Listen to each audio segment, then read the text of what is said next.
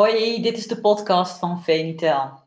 Ik ben expert, coach en ervaringsdeskundige op het gebied van helen van narcistisch misbruik.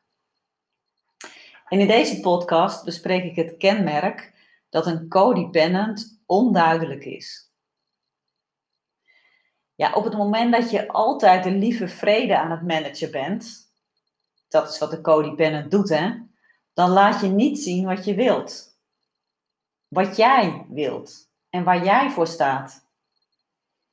En een codependent is daarom ook voortdurend bezig om het andere naar de zin te maken om zich heen.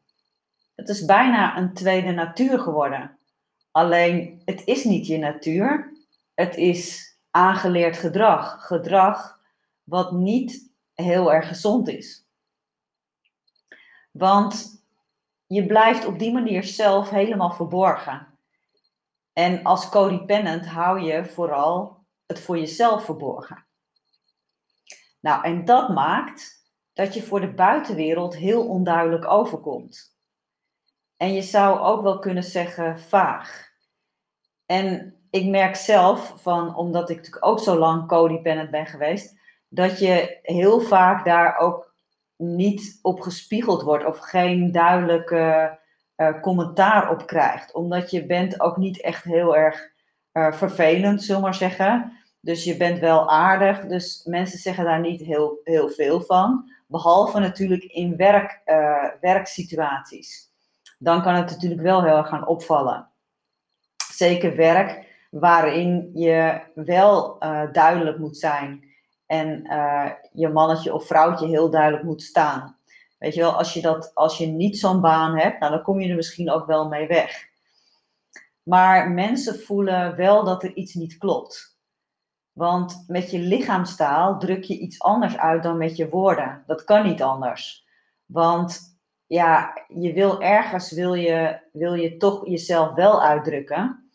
En um, ja, 80% van de communicatie bestaat uit lichaamstaal.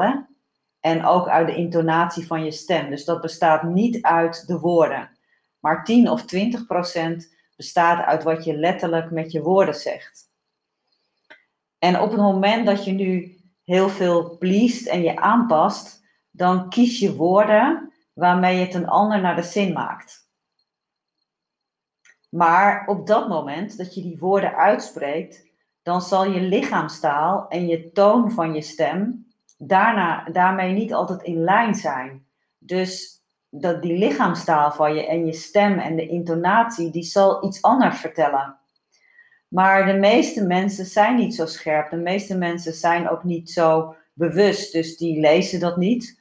Of die zijn, ja, of die zijn gewoon met andere dingen bezig. Waardoor, ze, ja, waardoor het niet echt heel erg opvalt. Maar ergens voelen ze het wel. En de meeste mensen vinden het niet prettig als je uh, heel erg codependent bent.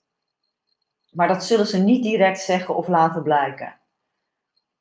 Nou, degene die het wel heel fijn vinden, dat je op die manier, dat je op die manier gedraagt, dat zijn narcistische personen.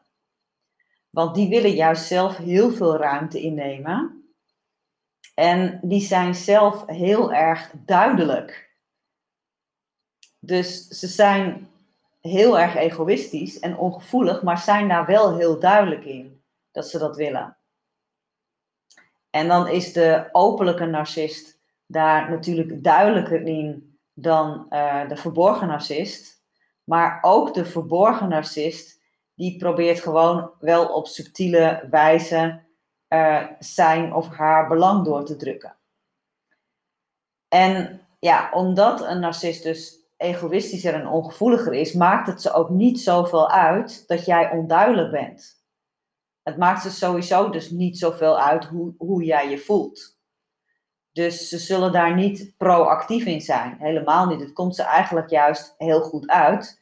Want daar, daardoor ben je ook veel beter in staat om te doen wat zij zelf willen.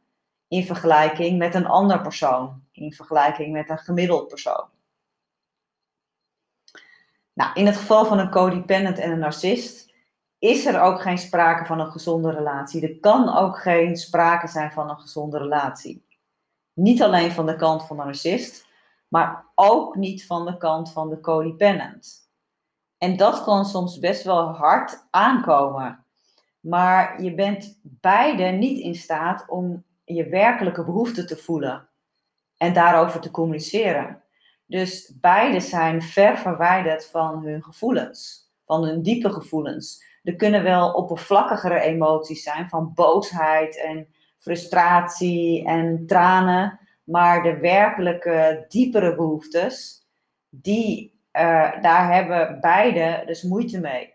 En als je die dus, die behoeftes en diepe gevoelens, als je die niet goed kan voelen, als je daar niet bij kan, als je er geen contact mee hebt, dan kun je daar ook over niet met elkaar communiceren.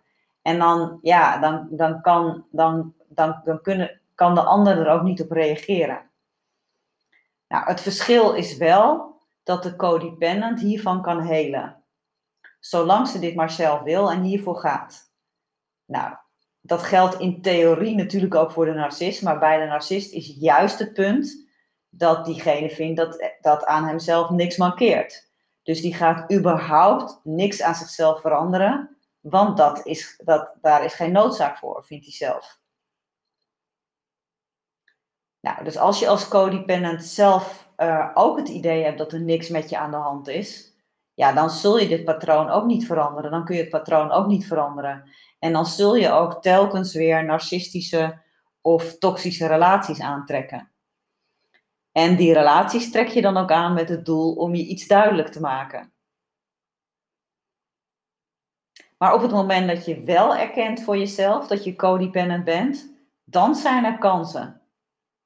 Als je ziet dat het een verslaving is en je echt wilt afkicken, dan ben je op de goede weg. En het is ook heel mooi, want als je dat erkent en als je wilt gaan afkicken, dan kun je nog echt een heel ander leven gaan leiden dan je tot nu toe gewend was. Een leven waarin je vanuit jezelf leeft, waarin je voelt wat jij wilt, waar jij naar verlangt, ten diepste. En als je dat weet, dan kun je ook duidelijk zijn. En dan wordt het leven ook stukken eenvoudiger en duidelijker. En dan kan je ook gewoon voelen wat je voelt en rechtstreeks communiceren. Dan hoef je ook niet meer zo vaak achteraf dingen recht te breien. Of dan is het ook niet meer zo dat je vaak achteraf beseft wat er precies gebeurd is. Dan voel je dingen veel meer in het nu, in het moment. En dan kan je ook vanuit het nu reageren. Nou, als je nog worstelt met dit thema en je wilt meer handvaat hoe je dit voor jezelf kunt oplossen, dan nodig ik je heel graag uit een kijkje te nemen op mijn website www.venitel.nl. Dat staat hier ook onder in de link. Dus, uh, want je schrijft het anders dan dat je het zegt. Dan kun je ook gratis een zevendaagse minicursus aanvragen. En daarmee kun je ontdekken hoe jij dit complexe probleem voor jezelf kunt oplossen. Nou, wil je mij nou persoonlijk een vraag stellen? Dat kan, want iedere dinsdag is Insta-dinsdag. Vind ik wel mooi, hè? Dinsdag, daar zit het woord Insta ook een beetje in. Nou, daar houdt ik dus iedere dinsdag om 8 uur s avonds een live vragenuur. Zorg dus dat je mij volgt op Instagram en dan zie ik je heel graag daar. Nou, vond je dit een waardevolle podcast? Abonneer je dan even. Dan krijg je ook direct een melding als er een nieuwe podcast klaar staat kan het ook heel erg waarderen als je een like geeft, een opmerking maakt of deze podcast deelt. Ik zie je sowieso graag weer bij de volgende podcast. Doeg!